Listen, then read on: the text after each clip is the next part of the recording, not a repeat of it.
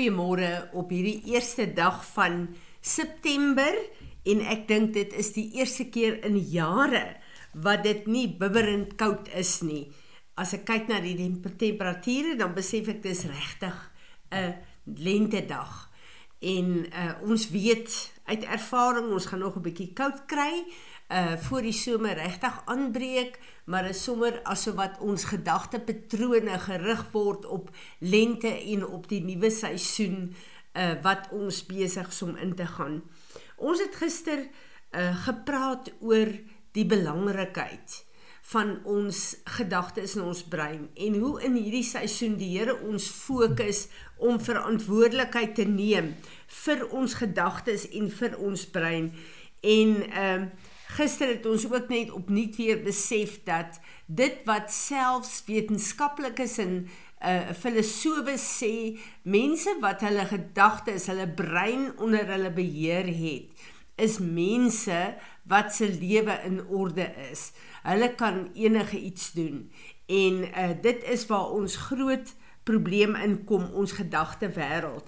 Uh ons het hierdie afgelope tyd deurgegaan um en ge, uh, letterlik gestudeer die woord as a man thinketh in his heart so easy en ons gesien het dat in ons gedagtes met wat ons kies om te dink en te mediteer is dit wat ons gaan word.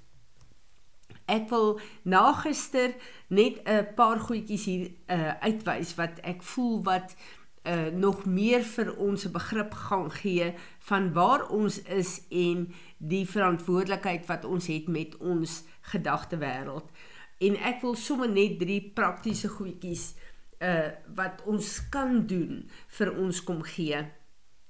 In die eerste plek moet ons verantwoordelikheid neem vir ons brein. Ons moet verantwoordelikheid neem vir wat ons toelaat in ons gedagte wêreld en wat ons bedink en wat nie. Dis so 'n belangrike plek hierdie gewoonlik het ons op 'n plek gewees wat ons gedagtes maar net laat toelaat en ons gedagtes het ons gelei en ook ons emosies en ons optrede uh, ernstig beïnvloed en dit is die plek waar ons nou deur die lering van die woord ook fokus.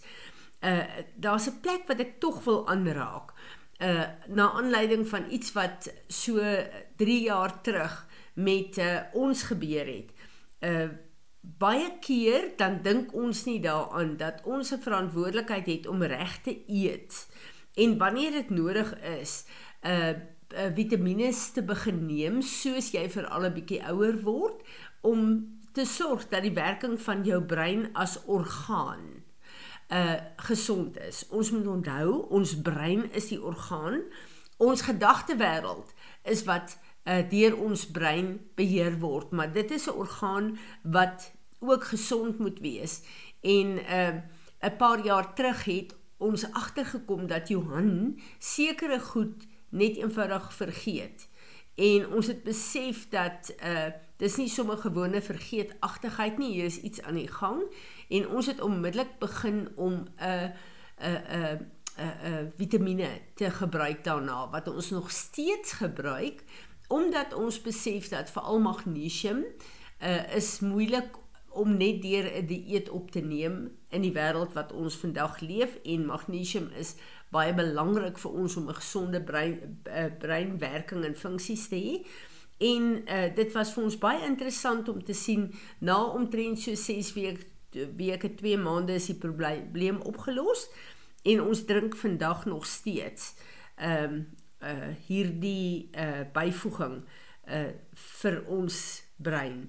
Ehm um, so ons moet fisies goed uh kyk na ons liggaam, so ook ons brein. En dan wil ek vandag 'n baie belangrike ding sê wat miskien snaaks gaan klink. Kom uit jou kop uit. Dit wil sê Daar is baie gedagtes wat in jou kop is wat jy moet onderskei wat nie van jou af is nie, maar wat die vyand eintlik in jou kop kom ingooi het. En as jy jou laat intrek daar, dan skielik word jou lewe, jou optrede, jou persepsies, uh alles word beïnvloed daardeur. Kan die vyand gedagtes in ons gedagtes ingooi? In die eerste plek wil ek duidelik sê, die vyand kan nie ons gedagtes lees nie. Dit is slegs God wat dit kan doen. Psalm 139 vers 23 Search me thoroughly O God and know my heart. Try me and know my thoughts. 1 Kronieke uh, uh, Kronieke 28 vers 9 sê And you Solomon my son Know the God of your father, have personal, personal knowledge of him, be acquainted with him and understand him, appreciate him and cherish him, and serve him with a blameless heart and a willing mind. Dis baie interessant. Hier is 'n gewillige uh uh verstand. For the Lord searches all hearts and minds and understands all the wanderings of the thoughts. If you seek him inquiring for him and uh, requiring him as your first and vital necessity. You will find him, but if you forsake him, he will cast you off uh, off forever. So die Here verstaan presies wat ons hart aangaan, maar hy ken ook ons gedagtes. Dit is net God wat ons gedagtes ken en kan lees. Hy wie ons geskaap het, die vyand kan dit nie doen nie. Maar ons sien in hierdie gedeelte hoe belangrik dit is om 'n gewillige verstand te hê wat die woord van God en God uh, persoonlik wil ken. Want dit gee vir die Here daai platform om letterlik jou uh, lewe te beheer omdat jy dit toelaat. Maar ons moet besef, uh, die Here ken ons hart, hy ken ons gedagtes, die vyand nie. Maar die vyand kan gedagtes in ons brein ingooi. En dit is wat ons gister gesê het ook hy gebruik ons brein as 'n target en hy vuur hierdie pile af. Hy vuur hierdie gedagtes af. En uh ons weet dat uh meeste sonde en verkeerde goed word gedoen omdat dit eers 'n gedagte geword het. En ek dink ons moet dit baie goed verstaan om daarmee te kan deel. Ek het gister gedeel met die skrif van Ananias waar die vyand waar uh Petrus vir Ananias gesê het, "Hoekom het jy toegelaat dat die vyand die gedagte vir jou gee om vir die Heilige Gees te lieg?" Dit was eers 'n gedagte die vyand toe hulle daai eiendom verkoop het en hy daai geld het, het die vyand gekom en hy daai gedagtes in hom gegooi en vir hom uh, gesê, "Hou van hierdie geld van jouself, lieg hieroor." So Uh dit was 'n gedagte voordat hy dit gedoen het. Ons het gister gelees die skrif wat uh sê uh um uh, toe Jesus uh vir gesê het Judas gaan hom verraai. Uh staan daar in die woord. Um ek dink is Matteus um uh uh 13 Uh, nee nee nee uh, dis in Matteus uh, ek is nou nie seker wat ek gister gekwoteer nie maar gaan lees die gedeelte van van Judas Die Here sê daar vir hom, Jesus sê vir hom, uh die duiwel het in jou gedagtes eerste die saad gesit om my te verraai. Toe hy daai gedagte van die duiwel gekry het, ehm um, het uh, Judas daai gedagte nie gevangene geneem nie. Hy het daai gedagte sy eie gemaak en dit het sy dade geword. Ons moet besef daar is soveel skrifte in die woord wat praat van dat die vyand in ons gedagtes saad kom saai. Ehm um, dit is waaroor die hele gelykenis gaan van ehm uh, uh, wat Jesus vertel van die saad.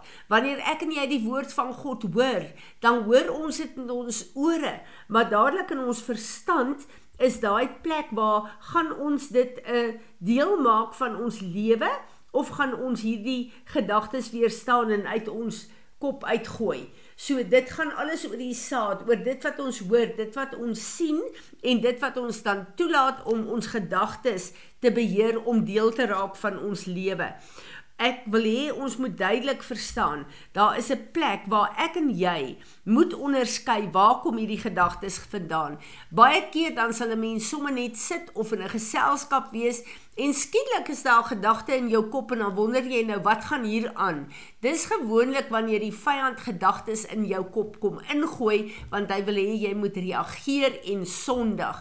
Baie keer gebeur dit as 'n mens in die uh in 'n groep mense inkom en jy kyk na mense skielik is daar goed wat jy Uh vergeet dit van mense wat jy gehoor het wat wat kinderstories was of uh kritiek en oordeel was en skielik kom daai gedagte terug in jou kop in.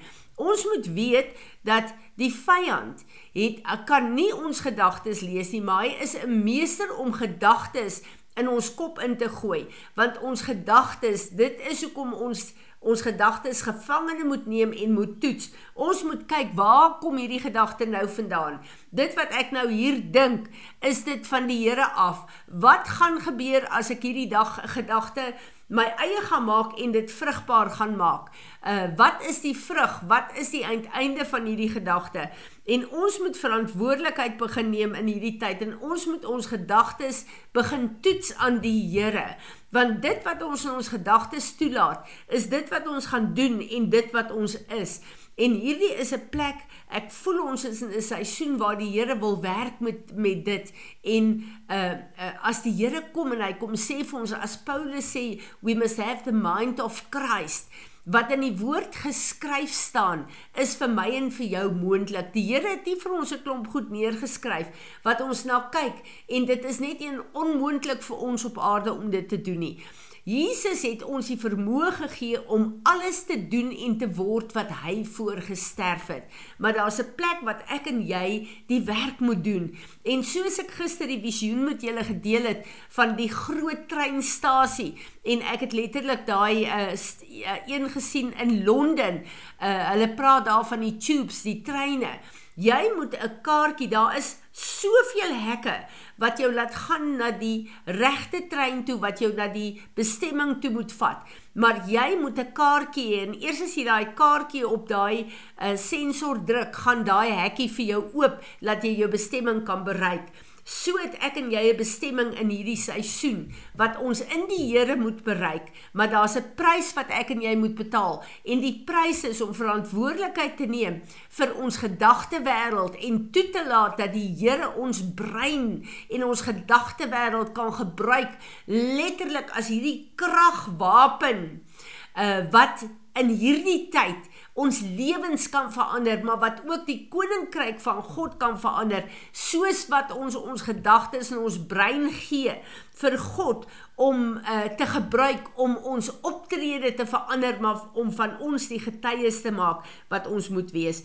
Ons moet weet hoe belangrik is die ged ons gedagtes dat God in Efesiërs 6 het hy pertinent vir ons 'n helm gegee om ons verstand te beskerm. En daai helm word genoem die helm van verlossing. Wat sê dat as ons dit toelaat en saam met God werk, dan sit hy 'n helm oor ons kop wat gaan keer dat die vyand hierdie pile in ons brein instuur en dan gaan ons 'n brein hê wat Jesus voor op Golgotha die prys van verlossing voorbetaal het. En hierdie tyd wat ons nou in is, hierdie seisoen, weet ek dit is een van die dinge wat die Here ons aandag voor wil kry.